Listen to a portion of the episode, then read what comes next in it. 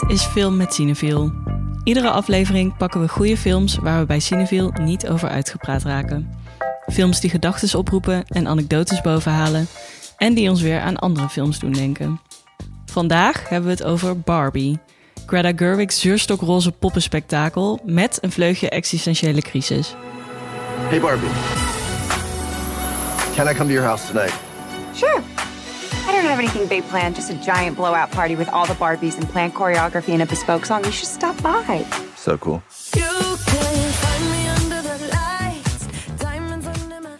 In Barbieland is alles perfect. Elke dag en altijd. Barbies kunnen zijn wie ze willen zijn. Dr. Barbie, Nobelprijswinnaar Barbie of Zemermin Barbie. En de Kens, die zijn er ook. Deze matriarchale utopie bestaat dankzij de originele, stereotype Barbie, die als eerste volwassen pop meisjes in de echte wereld liet dromen van iets anders dan moederschap. In Barbieland lijkt het feminisme dan ook uitgespeeld.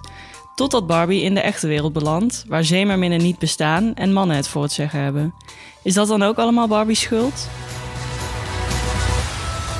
Wow, this is the real world. What's going on? Why are these men looking at me? Yeah, they're also staring at me.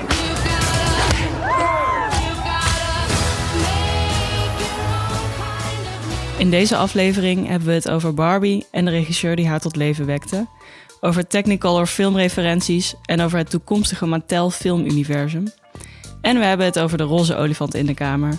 Want is dit niet gewoon één grote reclame voor een semi-verschrikkelijk bedrijf?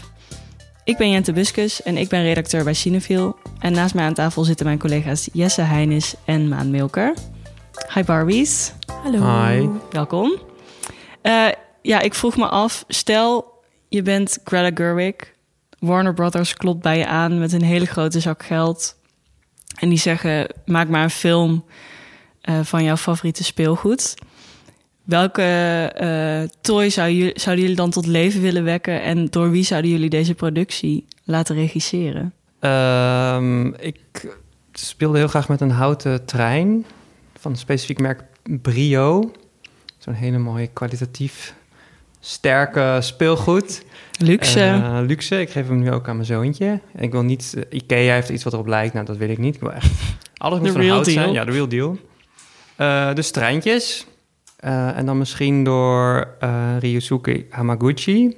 die Drive My Car heeft gemaakt. Ik dacht, Drive My Car, Drive My Heel Train. Misschien kan hij een soort van... allemaal mooie treinshots Door de sneeuw, en, door het de is natuurlijk niet echt een bergen. verhaal. Er moet ook nog iets bedacht worden van waar het in godsnaam over gaat. Mhm. Dus Brio de movie. En ik dacht, of misschien als, als Hamaguchi niet wil, Halina Rijn. Gewoon puur Hele van eh, even die Nederlandse makers op de kaart zetten in Hollywood.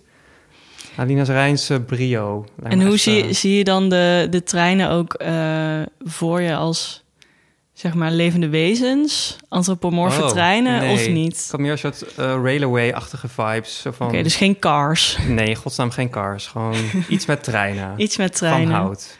Nou, Hollywood, luister mee. Ja, als dit ooit gedaan wordt, dan weet ik, eh, dan ga ik ze suwen. En jij, Maan? Ik vind het wel een lastige, omdat ik moet eerlijk bekennen dat ik zeg maar met het speelgoed waarmee ik heb gespeeld minder, ja, dat voelt minder vormend dan de games die ik heb gespeeld, zeg Mhm. maar. Een game mag ook. Oké, nou dan gaat is ook het, speelgoed. dan gaat het tussen Max en het gele sokjesspook, Wat? wat een educatiegame was. Ehm, Wat leerde je van de vis van het spook? het ging, je moest in een soort verlaten kasteel moest je allemaal sokjes vinden. Van, Mhm. Want Max was een gele sokjes Mhm. kwijt Kwijt, of zo, ja. ik weet het niet meer. Dat gebeurt. En je moest dan een soort van cryptische dingen onthouden, allemaal clues. En ja, het was echt een soort, eh, ook met rekenen en zo. Het was heel educatief. Hmm. En I loved it. Ik was echt, eh, gewoon, ik zit weer helemaal Hooked in die sfeer. Ja. Precies. En ja, dat lijkt me. Maar eigenlijk, waarom vertel ik hier nu allemaal over? Eigenlijk wilde ik zeggen de Sims. Omdat dat voor Oh. mij, ik denk echt terugdenkend dat ik een beetje verslaafd ben geweest aan de Sims. Zo het einde van de, middel, van de basisschool, begin middelbare school. Gewoon dat ik echt daar zo erg obsessief mee bezig was. Thuis, weet je, had ik mijn huiswerk af en dan ging ik gewoon De meteen... rest van de dag huizen bouwen. Ja, en echt zo heel langzaam. En die muziek, weet je, dan raak je helemaal in een soort trance van die muziek, omdat ik heel vaak in bouwmodus zat. En het lijkt me eigenlijk wel heel leuk als Apichatpong weer zit. Oh mijn god. Als die een Sims movie maakt, maar dat je gewoon alleen maar in de bouwmodus zit. Wow. Ik zou sowieso zo goed gaan op een goede Sims film. ja, precies. Maar alleen maar in de bouwmodus is nog beter. Ik zie het al helemaal Ja, voor me. gaat echt wel komen. Ja, niet van Pong, denk ik, maar Sims IP is wel een ja, goede... ik denk wel, er komt dus een nieuwe ja. Sims aan, waar ik heel, eh, heel blij mee We ben. zijn weer helemaal kwijt. Ja. ik ben even in bouwmodus. Laatste podcast met Maan. Ja, ja. ja, Jens, heb jij een... eh, mijn ideale eh, speelgoedfilm bestaat eigenlijk al. Dat is namelijk Brad's the Movie Oh ja, uit Brad. 2007. Eh, een verschrikkelijke live action film. ook, toch? Live action. Ja. Verschrikkelijke film, maar ik heb hem denk ik een stuk of twaalf keer gezien. Wat hem op de- DVD. Ik ken alle liedjes uit mijn hoofd. Het is fantastisch. De outfits zijn fantastisch. Het is echt peak 2007. Maar toen zat ik hierover na te denken en dacht ik... Als ik er een remake van zou laten maken... dan zou ik hem door David Lynch willen laten regisseren. Omdat Brads hadden vroeger altijd zo heel veel verschillende storylines. Een beetje zoals Barbie, maar dan minder carrièreachtig... en meer gewoon avonturen. Dus er was een soort van Brad's Rock Angels lijn... waarin ze rocksterren waren en modeontwerpsters en cowboys en zo. En ik zie een soort van Mulholland Drive voor me... dat ze niet meer weten wie ze wanneer waren. En, En de voetenscène, zeg maar zoals die in Barbie was, met dat ze uit haar meldje stapt. maar dan dat, Dat de is voet eraf... Ja, dat is ook een stuk meer wordt. luguber bij Brad als je live action daar doet. kunnen de voetjes van af? Ja, dat Ja. Is, zeg maar, een voet is een soort eh, kogelgewricht, weet je wel? Waar je Oh. Dan moet je de schoenen opklikken. oh jeetje. Ja. Het is een beetje inderdaad Ja, ik had ook, horrorachtig. ik had ook losse blote voeten die je dan op kon klikken. Dat was heel weird. Oké. Eh, maar ja, ik denk dat David Lynch daar wel eh, mee uit de voeten kan. Of ehm, Cronenberg, Oh ja. Mm. een body horror Ja. eh Brad's film. Hij heeft al lang geen goede film gemaakt. Of zeg ik nu iets heel... eh, oh. Dat is een andere Ja, Moet je podcast. het met Lauren over hebben. ja, ik kan het zeggen. Ehm, anyways, terug naar Barbie. Eh, want Greta Gerwig had niet echt iets te kiezen. Die eh, werd gewoon gevraagd om de Barbie-film te maken. Ehm, en dat is volgens mij best wel gelukt. Want eh, afgaande op de bezoekcijfers van Barbenheimer afgelopen weekend... wil iedereen alleen maar naar de film. Eh, wat, wat was het ook alweer, Jesse? Het was de Het is nu maandag, gisteren was het Ja. zondag. Dat is sowieso vaak de, de, mm, de populairste filmdag. En dan in de winter heb je dan vaak van die dagen... dat zo ongeveer 7000 cinefielbezoeken plaatsvinden... Op ergens op een zondag een keer... als er, als er drie topfilms in première zijn gegaan. Nou, in de zomer is het ongeveer de helft. Maar gisteren hadden we dus ruim 7000 bezoeken in Cineviel... eh, waarvan er ruim 2000 voor Oppenheimer waren... en iets minder voor Barbie... En eh, ja, ik was gisteren zelf ook eh, naar de film. Het was echt ja, alsof het inderdaad eh, midden winter, iedereen is vrij. Ja, het, was, het, was, het was een zomerdag, maar het, het was een beetje druilerig. En ik was ook, volgens mij Warner Brothers had het over Harry Potter-achtige taferelen. Qua bezoekersaantallen, maar misschien ook qua verkleedpartijen. Heel veel mensen in het roze natuurlijk. Eh, Ja. het was echt, eh, dit is echt ongekend dat op, op dit moment in het filmjaar zoveel mensen überhaupt naar de film gaan. En dan ook nog eens twee verschillende films. ja, Bij Oppenheimer, vaak heb je dan één knaller, maar het waren er nu echt twee. Alles was uitverkocht. Het is echt... het eh, gat tussen nummer 1 en 2 nummer 3 is ook best wel groot volgens mij. Ja, dus eh, ik weet niet even niet wat erna kwam, maar dat denk Asteroid City. Oh ja, die gaat natuurlijk al een tijdje goed. Ja. Dus ja, je krijgt dan heel veel mee van wat er dan in Amerika gebeurt, waar dan Ja. ja. box-office cijfers elke dag worden geüpdate. Maar hier in Nederland eigenlijk precies hetzelfde aan de hand. Ja. En binnen Cinefiel zelfs ook. Van ja, Barbie. En los van wat je daarvan vindt. Maar eh, Ja. het is wel echt een, een, een- ja, een unieke situatie eigenlijk. eh, zo en ook- in de zomer. Ik vind het ook wel uniek dat zeg maar, de blockbusters allebei een soort van crossover titels zijn. Dus dat het makers zijn die qua publieksbereik eh, blockbusters zijn. Dus Nolan en eh Gerwig. eh, maar dat het qua zeg maar, hun insteek van film maken... eh, zeg maar, vallen ze ook niet buiten de boot binnen Cineviel, zeg maar. Nee. Het is Nee. anders dan een Spider-Man of zo... die natuurlijk wel binnen Cineviel draait. Maar Spider-Man heeft niet per se het imago van... oh, dat is een soort van arthouse Auteursfilm. Mhm. Ja, auteursfilm of arthouse of wat dan ook. Ja. Barbenheimer staat ook wel echt voor film, heb ik het Ja. idee. Ook voor commercie, maar daar Ja. gaan we het zo meteen over hebben. Maar- Ja, het is niet eh, oh, eh, de derde eh, Star Wars of de vijfde Avengers film. Ja. Ja, oké, natuurlijk zit de zaal vol, maar het- op papier kun je zeggen... een Christopher Nolan film is altijd goed bezocht... en een Greta Gerwig film ook. Maar je moet het dan maar even zien op zo'n Ja. moment dat ze beide uitkomen. En ja, het is echt fascinerend. Zeker. En leuk, Ik ben ik. ook de hele tijd zo de box-office nummers aan het verversen. zo aan het hopen dat het beter gaat dan Avatar 2. En Ehm, gaat het beter dan Avatar 2? Tot nu toe wel, volgens mij. nou. Maar ja, dan moet je wel volhouden dan. Houd het vast. Eh, maar we gaan het even over Greta Gerwig hebben. Want het, ja, zij heeft best wel een interessante opbouw naar deze film toe gehad. Eh, ze is begonnen als scenarist en actrice. Vorige podcast hadden we het al uitgebreid over Frances Ha. De lievelingsfilm van onze collega Emin. Die eh, zij mee heeft geschreven en waar ze de hoofdrol in speelde. Eh, hetzelfde geldt voor Mistress America. En ze was een soort van postergirl van, van het mumblecore subgenre. Ehm, en als regisseur heeft ze echt een soort van drie stapjes gezet... van klein naar groot, die heel snel zijn gegaan, heb ik het idee. Van Lady Bird, wat voor een indie-film al best wel groot was, volgens mij. Eh, waar meteen eh, allerlei awards naartoe gingen. Toen Little Women, eh, wat een soort van mid-budget grote boekadaptatie was. En nu deze mega blockbuster.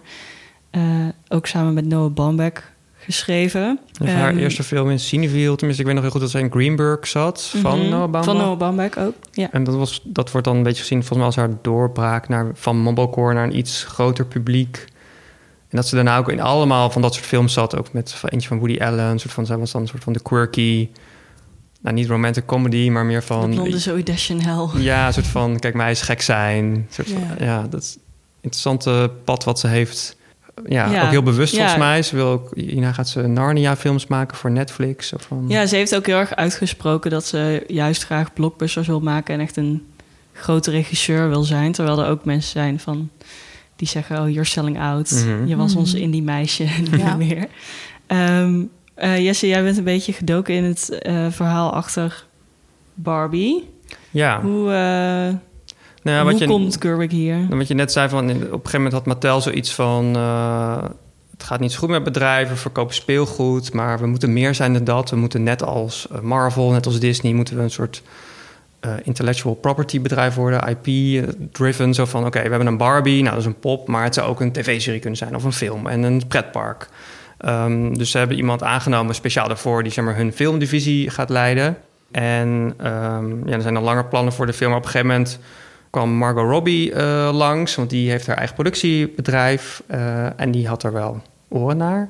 Ehm, en via Margot Robbie zijn ze dan weer bij Greta Gerwig terechtgekomen, die eh, voor hun een scenario ging schrijven. En nou, vaak vragen ze dan verschillende filmmakers om dat te doen. Of nou ja, ze proberen dat dan eerst met Greta Gerwig en als dat niet lukt, gaan ze met iemand anders door. Maar ja, het, het is wel eh, Greta Gerwig geworden met een best wel, ja, waar we het ook straks ook al gaan hebben, een kritische film. In ieder geval een film die gaat over Barbie en alle facetten daarvan, dus ook de negatieve facetten. Ehm, en Een ze deel zegt- van. Een deel van.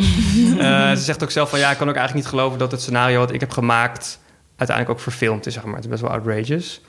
Ehm, Wat overigens een goede marketing tagline is voor de film, denk ja, ik. dus volgens mij is de tagline ook letterlijk van...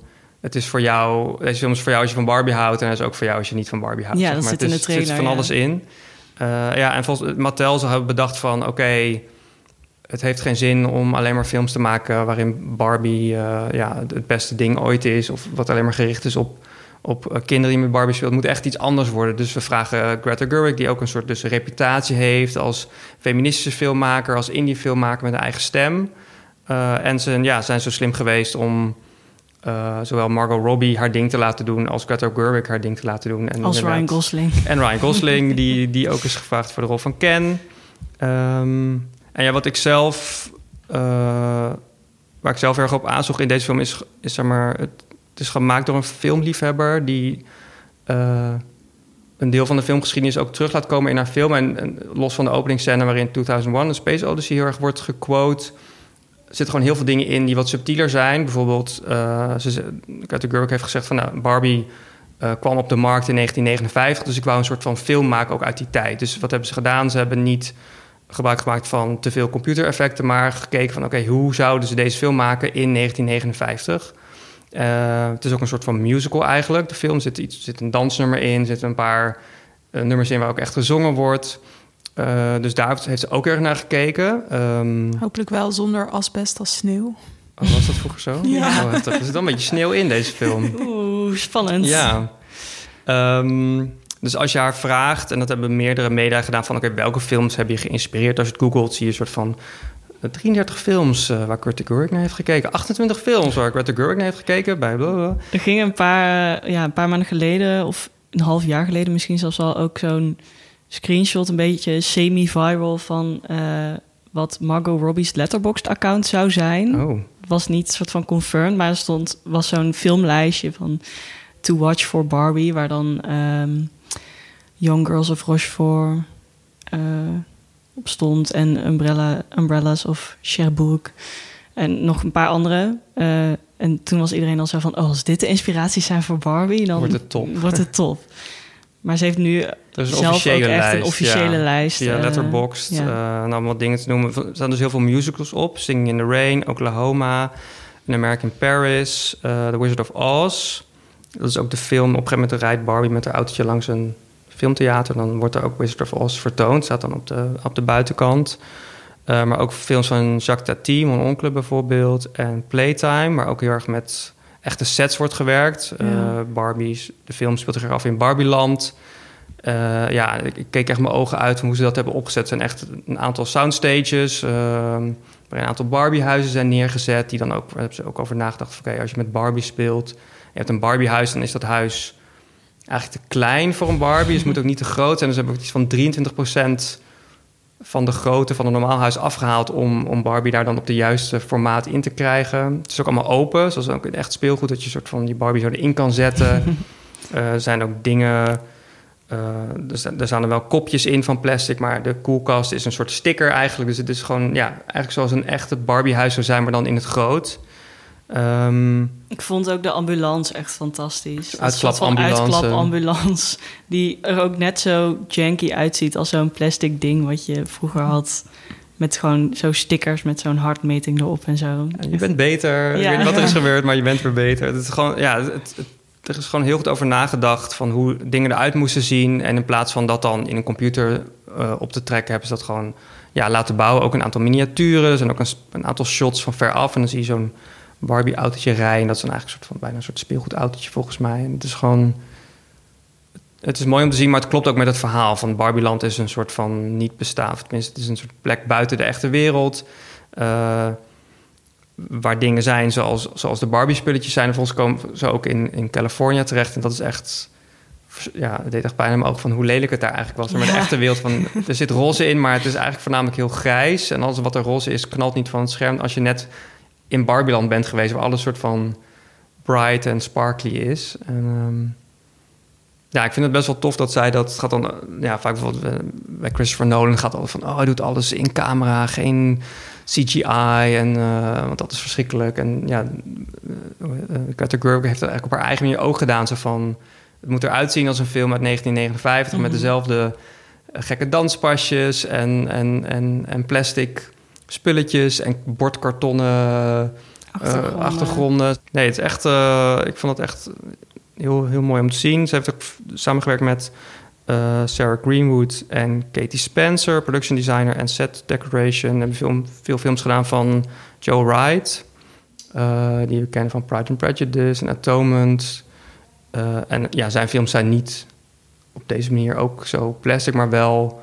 Wat je bij hem vaak ziet is dat er heel veel long takes zijn. Dus dat die decors moeten ook helemaal kloppen. Zeg maar. Je moet er echt doorheen kunnen gaan met je camera. Het moet allemaal een geheel zijn. En ja, dat is hier ook zo van... Ze, ze is gewoon met die camera in dat Barbieland... en ze filmt wat daar gaande is... Mhm. zonder daar heel veel nog achteraf aan toe te voegen. En eh, dat maakt het voor mij in ieder geval een hele persoonlijke film... eh, anders dan misschien een film die door een ja, director for hire was gemaakt. Die had gezegd, oké, dit is het scenario, we gaan iets met Barbie gaan dit doen. zo efficiënt mogelijk Ja, op, het is echt- op beeld brengen. Ja, ze hebben haar echt de kans gekregen om inderdaad dan ook maar een soort van eh, musical uit 1959 van deze film te maken. Terwijl je ook zou kunnen zeggen, nou, we doen gewoon lekker een filmpje over Barbie en de mensen komen toch wel. Ja.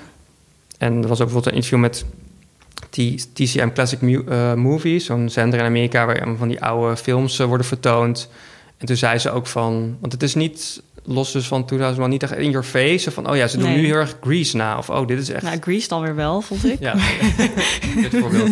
Eh, ze doen nu echt deze film nou een soort van... dat je soort van met een lijstje zo klaar zit van... Mhm. En, en de grap is dan dat het een verwijzing is. Mhm. bij Shrek-films wel vaak zo van... oh ja, ze doen nu dit en dit na.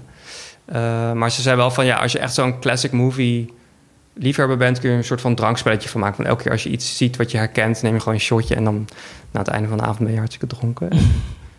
ja, dat is hoe zij dat... eh, helemaal heeft aangepakt. En dat, dat was voor mij wat er echt wel uitsprong qua... eh, ja, ik ben er inmiddels twee keer heen geweest... waarom ik gewoon ook naar terug, naar terug wou. Van, ik wil nog eens zien hoe ze het hebben gedaan. spelen, Ja. maar dan in het echt. Ja, ik kan me ook voorstellen dat het dan heel makkelijk is om in character te komen als je dan die set opwandelt en je outfit aantrekt. Je en dan ben je ineens Barbie. Ja, je mag van de glijbaan, van het Barbiehuis. Oh, ik wil ook van de glijbaan in het Barbiehuis. ja. En ik merk ook wel dat ik de afgelopen weken heel erg gevoelig ben voor alles wat roze is en alles wat naar me gemarket wordt met glitter en eh, collecties met Barbie-logo's. En het is nogal wat. Het is nogal wat. Je kan alles kopen. Alles is Barbie branded. Ja. Ehm, dus eh, in die zin eh, werkt het denk ik ook wel goed. Tenminste, eh, als je kijkt naar wat het doel van Mattel is. Ja, nou ja, het is wel. Het zet me wel aan het denken. Je hebt natuurlijk heel veel films eigenlijk die je kan indelen als een marketing tool voor een product wat je dan vervolgens kan kopen, of voor een merk om, eh, ja, om het merk in een bepaald daglicht te zetten. Ik bedoel, ehm, je, het gaat van. Hè, je hebt soms scènes waarin dan heel erg overdreven een eh, Kellogg's verpakking staat. Daar maken ze in deze film ook, dat maakt ze een beetje belachelijk ook af en toe dat er zo'n, eh, dan wordt er zo kleding van het dak van het Barbiehuis gegooid Ja. en dan zweeft het even stil in de lucht en dan is het zo Deze Barbie's cowgirl outfit nu Ja. voor 1995. Ja, je, je hebt gewoon heel veel verschillende manieren waarop je dat kan doen. Mhm. En ik vind dat je hetzelfde ziet op een manier die zo erg in your face is als in Barbie. En ik moet zeggen dat dat, dat mij wel een klein beetje tegenstond. Zeker in de aanloop er naartoe. Dat ik een soort van dacht van ja, oké, eh, wat moet ik hiermee of zo? Snap je wat Mhm. ik bedoel? Een soort van dat ik niet echt open stond voor de Barbie-marketing. Omdat ik gewoon niet echt een plek zag voor Barbie in mijn leven. Als in marketing moet wel... Ik bedoel, het is aan de ene kant om het creëren van behoeften... maar ergens ook op het inspelen van behoeften of zo. En eh, ja, maar je hebt, je hebt ook wel andere films. Weet je, wel. je had bijvoorbeeld de afgelopen tijd had je Air van eh, eh, Ben Affleck. Of eerder The Founder over McDonald's. eh, of eh, nou, Steve Jobs. Weet je, dat is wel meer een biopic. Maar dat zijn wel allemaal films die een soort van niet kritisch... een soort van feel-good gevoel voor een merk neerzetten. Waardoor je een soort van het gevoel hebt dat je nog meer binding ermee hebt. Omdat je ook Mhm. meer het, ja, het ont- de ontstaansgeschiedenis kent. En aan de andere kant heb je ook weer films die gewoon heel erg duidelijk een franchise zijn, zoals de Lego Movie of Transformers of Dungeons and Dragons komt er ook aan, of is er al, weet ik even niet. En, Is er al. Oh, is er al. En, of GI komt er vast ook nog een keer aan. Maar Precies, en eh, G.I. Joe, weet je, dat zijn gewoon, ja, gewoon spellen of speelgoed voorwerpen die je gewoon ook in de winkel kan kopen. En dan is dit een soort ja, verlengde daarvan, dat je denkt van, ja, Ik wil het. Precies. Ja, maar dat, dat is eigenlijk vrij vaak gewoon helemaal niet kritisch. Dus wat ik net al zei. Dus dan is het gewoon echt van, nou, Lego, top. En wat dat betreft is het dus interessant dat de Barbie-film wel aan zelfkritiek doet. En dan is het even de vraag wie dat erin heeft bedacht. Is dat eh, Greta Gerwig geweest? Is dat Mattel zelf geweest? Als je bijvoorbeeld kijkt naar de geschiedenis van Mattel ten opzichte van eh, kritiek die er op hen is geuit. De, het nummer Barbie Girl, weet je wel, van I'm a Barbie Girl. een banger. Ja, Mhm. ehm, het 97 van Aqua, dat toen dat destijds uitkwam, wat je ook kan zien als een soort gratis advertisement Mhm. voor Barbie. Eh, ze zijn toen aangeklaagd door Mattel, omdat ze vonden dat het eh, inbreuk maakte op hun handelsmerk en dat omdat het van Barbie een sekssymbool maakte, terwijl Mattel dat niet wilde. En ook bijvoorbeeld dat zij de auteursrechten zouden hebben over Barbie. En eh, dat het schade zou doen aan de langdurige populariteit, en reputatie. Weet je, gewoon allemaal dat soort echt merkdingen. Of het zat een marketingplan in de hand. Of en wij willen bepalen hoe wij ons merk in de markt zetten. En ja, nu is dus eigenlijk het tegenovergestelde aan de hand dat ze Barbie Girl en juist een soort van het ironische eraan heel erg omarmen. En Ja. er is nu een remake van gemaakt. En Met wat ook in de Aqua film ook. zit. Ja, ja. Of meer als Ja, sample Nicki. Minaj en Ice Spice, maar dan wel met credits voor Aqua. Precies. En in, ja, in dat kader is het dan wel interessant om daarin gewoon bij hetzelfde bedrijf heel erg een verandering te zien. Gewoon met hetzelfde nummer ook letterlijk. Dus tijden veranderen ook op het gebied van marketing. En Mhm.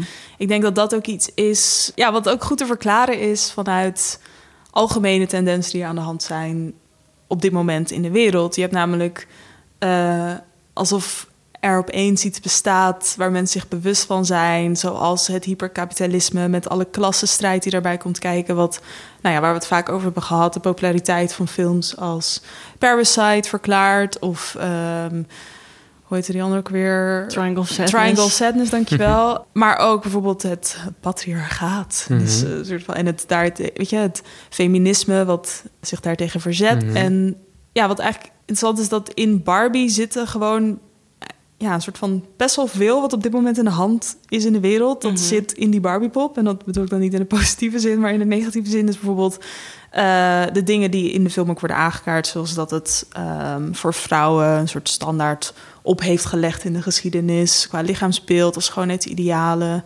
Het heeft een bijdrage geleverd aan het versterken van eh genderstereotypen. en nou ja, iets minder, misschien voor de, weet je, iets minder in de kijker eh, natuurlijk het effect op eh, het milieu. Als je plastic poppen verkoopt, die ook weer heel erg verbonden zijn aan een bepaalde leeftijdscategorie en niet echt houdbaar zijn. In, in de zin van in de film weet je, heb je ook dat, nou ja, dat je dan zo'n afgeknipte Barbie hebt. En ja, niemand wil dat kopen, zeg maar. Dus er is niet echt een kringloop mogelijk Nee, en met ook Barbies. eh, in de film wordt ook nog aangestipt dat er ook discontinued Barbies zijn. Zeg Ja, maar, precies, Van, oh ja, ja. deze verkocht niet zo goed, want ze was zwanger. Dus Ja. laat maar. je hebben wel. allemaal weggegooid op de afvalhoop. Die had een vriendinnetje van mij, was echt super creepy. Oh, Ja, Zwangere Barbie? ja. Oh. kon je een baby zo in een holle buik stoppen. En dan kon je de buik eraf halen. En dan kwam de baby eruit en dan kon je de buik weer plat maken. Echt heel eng. Ja, het is natuurlijk ook in het Parasite-straatje, zeg maar, de werkomstandigheden waaronder de Barbies worden gecreëerd. Dat is vaak over het algemeen, gaat dat gebukt onder een globale klasseongelijkheid. In de zin van dat mensen, arbeiders, vaak in Aziatische landen, dat die dan onder hele slechte omstandigheden dat maken. En dat het dan wordt verkocht aan relatief rijke kindjes.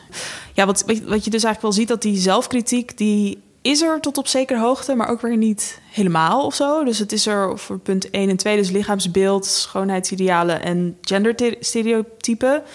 Een klein beetje over duurzaamheid en milieu, omdat er wel een opmerking wordt gemaakt over kringloop. En ook omdat in zekere zin door de Barbies neer te zetten als collectibles, wil je ook weer een soort nieuwe generatie aansporen om ze te sparen, als het ware. Of om Dan ben je wel heel lief voor... eh, ja, voor de- inderdaad. Maar gewoon, om, ze hebben het wel een soort van aangestipt. ja.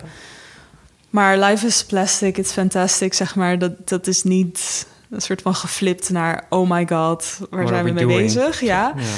Ehm, en eigenlijk is dat heel goed te verklaren...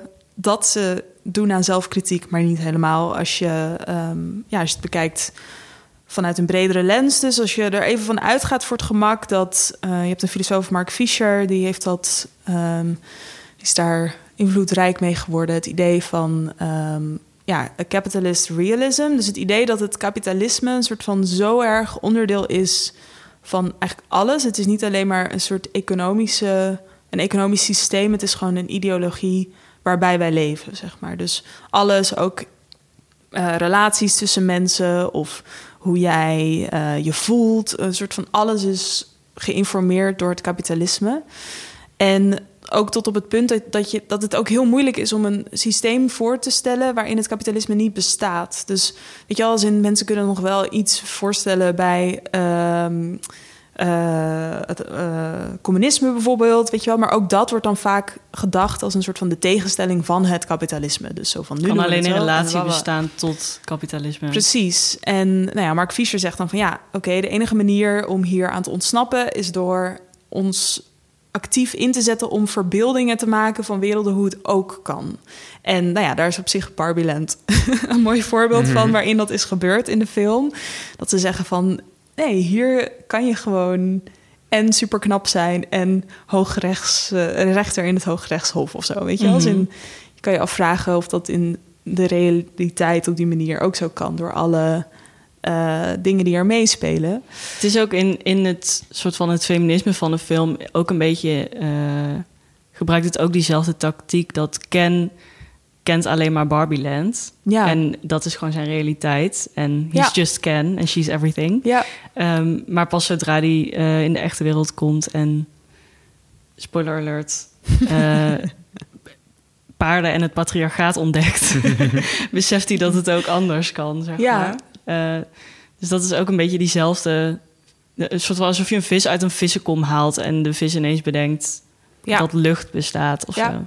Het enige probleem is eh, dat het kapitalisme, ehm, volgens sommigen, waaronder bijvoorbeeld de filosoof Michel Foucault, ehm, zo krachtig is, of eigenlijk überhaupt machtsstructuren, dat iedere vorm van verzet, dus ook, je zou ook het verbeelden van een andere werkelijkheid kunnen benoemen als verzet tegen die werkelijkheid. Weet je wel, zo van we gaan het anders doen. Ehm, dat de huidige machtsstructuren zo sterk zijn en zo krachtig dat ze op de een of andere manier er altijd in slagen om die vormen van verzet een soort van op te slokken en alleen maar in te zetten om je macht te versterken. En eh, dat zie je bijvoorbeeld bij. ehm, eh, bij Barbie. ik kan wel voorbeelden erbij halen, maar ik Ja. kan het ook gewoon bij de film houden. Ehm, dus eigenlijk het idee dat een ehm, bedrijf als Mattel, wat dus wordt bekritiseerd om het bijvoorbeeld voor te zetten of verstevigen van een soort patriarchaal idee met de onderdrukking van vrouwen of wat dan ook, je dat je onderhevig bent aan bepaalde normen, dat zij vervolgens de kritiek daarop inzetten om hun bedrijf nog groter te maken. En dat gebeurt hier ook. Dus ja, net als in die tagline waar we het net over hadden van als je houdt van Barbie of als je, als je Barbie haat, maakt het ons niet uit. Wij gaan gewoon Barbies jou, verkopen. weet je wel? Zo van, jij gaat gewoon die Barbie kopen, je Ja. gaat het gewoon meekrijgen. Ehm, en het is dus, ja, ik, ik vond het echt opvallend, een soort van in mijn netwerk als het ware, of wat ik op Instagram voorbij zag komen, dat ik ook gewoon, ik zag gewoon iemand die had op de snelweg gezeten voor Extinction Rebellion, weet je wel. Mhm. En die was nu echt zo van, oh my god, kan niet wachten. Weet je, ik heb een roze pakje aan ik voor deze ge- gelegenheid speciaal heb gekocht. Ik bedoel, natuurlijk mag je als mens inefficiënt Hypocriet zijn en hypocriet. En dat, dat punt wil ik helemaal niet maken. Maar ik vond wel opvallend hoe erg geslaagd in die zin de Mhm. marketingcampagne ja, van, van Barbie ook is. En in hoeverre dat incorporeren van die verzetsbewegingen... Ja, hoe, hoe ze dat dus hebben toegeëigend, zeg maar. Dus Ja. door Bar, de soort van ultieme Barbie is het de Barbie die eerst een soort van eh, zich verzet tegen de echte wereld waar we aan willen ontsnappen als we met een Barbie spelen, als het ware, weet je wel. En vervolgens is het eindargument zo van: nee, maar de echte vrije Barbie die, ver- die hoeft zich tegen niks te verzetten, want het gaat uiteindelijk niet daarom of zo. Mhm. Het gaat, en dat is ook weer een soort totale ont, ont, eh, het, de kracht wegnemen bij mensen die Mhm. kritiek hebben. Een soort van, snap je wat ik Ja, bedoel? want als je nu bijvoorbeeld zou zeggen van... oh, dit is een film eh, die een eh, seksistische pop verheerlijkt of zo... dan kan je heel makkelijk terugzeggen... ja, maar eh, in deze acht scènes is er hele expliciete kritiek op... het lichaamsbeeld dat Barbie Ja. promoot. Of zeg maar dat. En dan nog daar je, voorbij ook dat juist het argument van kritiek is echt zeg maar hetgene wat mensen naar binnen haalt. Dus Mhm. zo van, oh, het is zo chill om een keer gewoon kritisch te kunnen zijn op Barbie en daar, Mhm. weet je wel, zo van, ja. dat doen wij met z'n allen, want wij zijn goede mensen of zo, weet Ja. je wel. En dat, dat voel ik er heel erg in. En ja, ik vind het heel interessant om zo op een dienblad, zeg maar, te Ja. zien worden Ja. aangereikt. Dat ik echt denk van... Ik bedoel, ik heb zelf filosofie gestudeerd... en dan hoor je allemaal theorieën... en dan denk je altijd zo van... eh, ja, leuk, leuk verwoord, maar zo gaat het toch nooit in de realiteit. zo. Want mensen zijn toch Ja. niet zo dom om, om het gewoon zo letterlijk een soort van te doen... en dan gewoon iedere keer in de werkelijkheid... dan word je toch, wordt toch het tegendeel bewezen van... Soms is het echt heel erg letterlijk. Mhm. Ehm, ja, gewoon Heb je zelf ook gelachen? marketing. Ik heb op één moment, ja, ik ben dus niet echt eh, heel erg van. Ik ben wel heel erg van het huilen om films, maar niet heel erg om het lachen. Mm. Ehm, Kun je ook minder stil doen dan huilen Klopt. in de zaal. Ehm, maar ik heb hardop gelachen om de opmerking over The Godfather, Mhm. omdat ook ik in die hel heb gezeten. Wat dat is je, de opmerking over de Godfather? Nou, dat je dan op een date gaat met eh, een jongen die zichzelf heel wat vindt. Die En ook filmstudies doet. Ja, of niet eens, weet niet je wel. eens, en ja. dat hij dan vraagt, oh my god, heb je The Godfather gezien? En dat hij dan vervolgens... Ik bedoel, ik had hem toevallig gezien... maar ik heb hem dus wel een keer met iemand nog gekeken... want ik vind het een topfilm, dus die wil ik graag twee keer zien. Mhm. Of ik heb hem wel heel vaak gekeken eigenlijk. En dat hij inderdaad vervolgens gewoon de hele film... dat ging mansplainen. gewoon op een manier die ook nog eens niet klopte. En het was gewoon helemaal echt heel vervelend. En toen zag ik dat en toen dacht ik... I feel seen. Ja, eh, helaas. Helaas. ja. Helaas is een universele ervaring voor de mensen die eh, getarget worden door deze Barbie-film. Heb jij dat ooit gedaan bij iemand, Jesse? Eerlijk toegeven? Nee, ik hou niet zo van praten, dus ik, dat doe ik, ik- sowieso niet. Wat En, doe eh, je dan in een podcast? Ja, weet ik eigenlijk ook niet. Eh, ik, nee, ik, nee, ik kan wel heel... Ik, mijn vrouw zou zeggen dat ik heel snobistisch kan zijn, maar ik Mm. ga niet films mansplainen volgens mij. Maar als ik het wel heb gedaan, laat het weten je ooit een andere ervaring met hebt gehad. Ja. Zet het op Twitter. Podcast.cinefil.nl Eh, nee, ik, ik was wel, ik wou nog vragen van, ehm, het is zeg maar, je- ja, je kan hier een soort van marketingboek, het gaat maar, je hebt het over marketing, maar een deel van de marketing was ook van, oké, Margot Robbie staat op de rode loper met elke keer een andere outfit aan. Nou, ja, dat kan ik nog zeggen van, ja, dat kun je vergeten of kun je niet interessant doen, maar die film is natuurlijk heel slim dat ze de kritiek in de film opnemen en Ja. daardoor, maar is het, heeft dat niet ook Nu heb je mijn een- verhaal gemenst. Nee, ik, ik, ik val het even samen. Want ik, ik kwam af van, is het niet ook een soort waardevol dat er dan toch een film is waar dan heel veel mensen heen gaan, waarin eh, punten naar voren worden gebracht waar ze misschien op een ander moment nog nooit over hadden nagedacht of zo? Of is dat, Eh, kijk, bekijken dan ja. door een te Het hangt er vanaf hoe bril? radicaal je daarover denkt, denk ik. ja, ik denk ook dat gewoon entertainment... dat dat een waarde op zich is die er mag zijn, wat mij betreft. Mhm. Dus ook al is het eh, een film waar je niks qua, van leert... qua moraal of wat dan ook... zelfs dan kan ik alsnog zeggen... ga naar die film, want het is super entertaining. Lachen. Ja, het is gewoon lachen. Ehm, ja, dus dat is, ja, dat is niet het argument wat ik een soort Nee. van waar ik in geïnteresseerd ben in die zin. Maar ik denk wel dat het. ehm, nou ja, je, je kan het heel negatief opvatten in de zin van je moet goed opletten. Weet je wel, dat in de, zeg maar tegenwoordig is het. ehm, kan zelfkritiek hoeft niet altijd oprecht te zijn in die zin. Dus zij zijn niet per se van plan om minder Barbies te gaan verkopen Nee. of om Barbie op een andere manier in de wereld te zetten of ook ehm, ja bijvoorbeeld dit je kan het ook zien als een soort afleidingscampagne zo van oké laten we Barbie nu in zo'n goed daglicht zetten dat we de op handen zijnde eh, onvermijdelijke kritiek zeg maar op het gebied van eh, klimaatcrisis en de bijdrage van bedrijven als Barbie daaraan als dat komt, dat ze dan in ieder geval iets meer een buffer hebben om dat aan te kunnen. Zeg maar, als jij al bekend staat als een merk waar niemand zin in heeft. eh, weet je wel, en dan komt ook nog eens naar voren dat jij, weet ik veel, de halve oceaan hebt volgestouwd met Barbie-hoofden. Ja, dan ben je gewoon of klaar als merk, Ja. of je moet weer zoveel geld er Ja. tegenaan gooien om dat als een soort paniekvoetbal weer te gaan repareren. Nu Dat heb je in ieder geval een, een leuke film gemaakt. ja, en ook hebben mensen weer een positief gevoel. En ook echt weer... Ook mensen die helemaal niks met Barbie te maken hebben... of die dat helemaal zijn vergeten of wat dan ook. Ehm, ja, waardoor je gewoon je, markt, je, ja, je marktwaarde is weer versterkt... binnen dat kapitalistische, dit kapitalistische hel. Mhm. een Ja. soort van denkt van... Ja, Het maakt het niet per se een, een holle of een loze film. Want volgens mij vonden wij het allemaal... Ik vond het echt een prachtige film. Ja, en, Ehm. ik, ja, en is het waardevol dat mensen dat zien? Ik denk voor sommige mensen wel. Ik vond zelf dan het eindargument, dus eh, met het oude... Met, sorry, nu ga ik echt zo in hele stereotyperende, kleinerende opmerkingen over de inventor praten. Maar met, eh, ja, zeg maar, de, het soort van eindbetoog en zo. Ja, vond ik niet echt dat het was van... kom jongens, we gaan het beter doen. Mhm.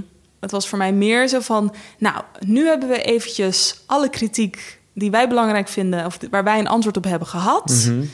En, nou gaan we door. stil.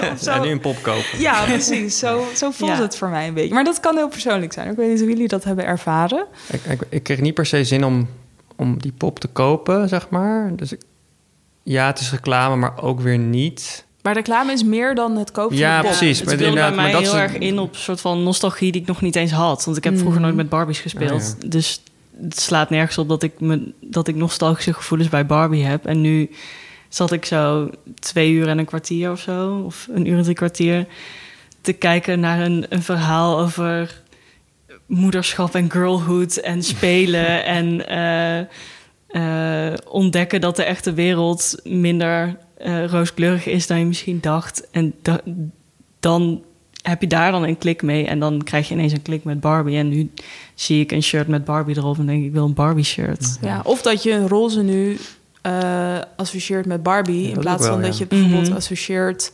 met... eh, weet ik veel, met het homo-monument.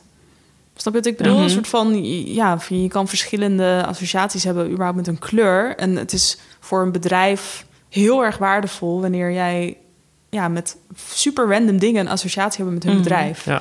En ik denk wat dat betreft dat ze er heel erg in zijn geslaagd om zo'n absurd brede marketingcampagne op te zetten. ik bedoel, ik had het net met Jente over van als je nu in Google, nou ja, Margot Robbie intypt, dan krijg je dus zeg maar een Roze sparkly Google pagina. ja, dat ik denk, wow, dit is Google. Ja. Ja. Ja. En dat is dus de, mijn eerste reactie op zoiets, denk ik, oh my god, cute. En dan twee minuten later denk ik, what the fuck is dit? What's Google is gewoon een soort van de grootste informatiebron wereldwijd. En Ja. dat is dus nu gebarbified. Ehm, ja. Hier zullen nog vele think pieces over geschreven worden, denk ik. En over, over Barbie, over Barbenheimer. Ik zag er net een dat, eh, dat eh, ging over Ken en eh, male body positivity. Dat dat Ah, ja. niet goed was neergezet in de film. Dus die kan hier eindeloos Oh. hele essays... Terwijl en, ik vind het heel radicaal dat ze zo'n oude Ken hebben gecast. oh ja, ja. Beetje te oud. Nee, Ryan Gosling is forever mijn Ken. We moeten ook op een gegeven moment verder kijken dan Ja. Barbenheimer. Laten we het doen. Eh, dus ik ben heel benieuwd eh, waar jullie de rest van de zomer naar uitkijken wat films betreft. Ehm, Wil je zelf beginnen? ja, wat een, eh, Ja, lief voorstel. Ik dacht voor de verandering. Eh, ik ben heel benieuwd naar How to Blow Up a Pipeline van Daniel Goldhaber, als ik het goed uitspreek zo. Die komt 17 augustus uit en dat gaat over een eh, groepje jonge klimaatactivisten die een oliepijpleiding willen opblazen. Eh, het is gebaseerd op een, eh, op een redelijk bestsellend boek, volgens mij, dat ik niet heb gelezen, want ik kijk altijd liever eerst de film. Ehm, En dan laat je vervolgens het boek verkopen. Ook boekverfilmingen kunnen ook een vorm van. boeken zijn ook van bronnen gemaakt. Celluloid van olie. Wat ik niet meer leuk vind. Eh, maar daar ben ik heel erg benieuwd naar, want ik vind de cast heel interessant bij elkaar. En ehm, het lijkt mij een heel eh, fascinerend verhaal over activisme en hoe dat eh, wel of niet de goede kant op kan gaan. Dus daar ben ik heel benieuwd naar. En jij, Maan? Ik heb zin in de film Superposition van Caroline Lingbeer. En ja, die film ging in première, of ik weet niet of het première was, ja, ik denk het wel, op IFFR ehm, afgelopen jaar. En toen zou ik hem de hele tijd zien, maar toen kwam er de hele tijd iets tussen, waardoor ik heel erg zin heb om de film te zien, omdat die in mijn hoofd nog steeds op een watchlist. Ja, staat. Eh, en nu is hij er eindelijk. En ik hou eigenlijk gewoon van Deense films. Lekker. Ik kijk heel erg uit naar Rise Boy Sleeps. eh, een Canadese film van Anthony Shim, als ik dat goed uitspreek. En het gaat over zijn, ehm, zijn jeugd. Hij is vanuit Korea naar Canada verhuisd op een gegeven moment... omdat zijn moeder een beter leven voor hem wilde. Eh, en dat, ja, dat, dat jeugdverhaal heeft hij nu verfilmd. Dus alle festivals afgegaan, allemaal prijzen gewonnen. En ehm, ja, ik las dat het vooral in longtakes was opgenomen. Nou, als ik ergens van hou, dat zijn het longtakes. dus ik zit er helemaal klaar voor. Ehm, ergens in augustus komt het uit. Ik weet niet wanneer. Spannend. Ja. Rice Boy Sleeps. Dat was hem weer. Film met Cineville. Barbie is nu te zien in Cineville. En Oppenheimer trouwens ook. Eh, wil je weten welke films er nog meer ter sprake kwamen? Check dan de show notes op onze website. En wil je op de hoogte blijven van alles wat er speelt? Schrijf je dan in voor onze nieuwsbrief.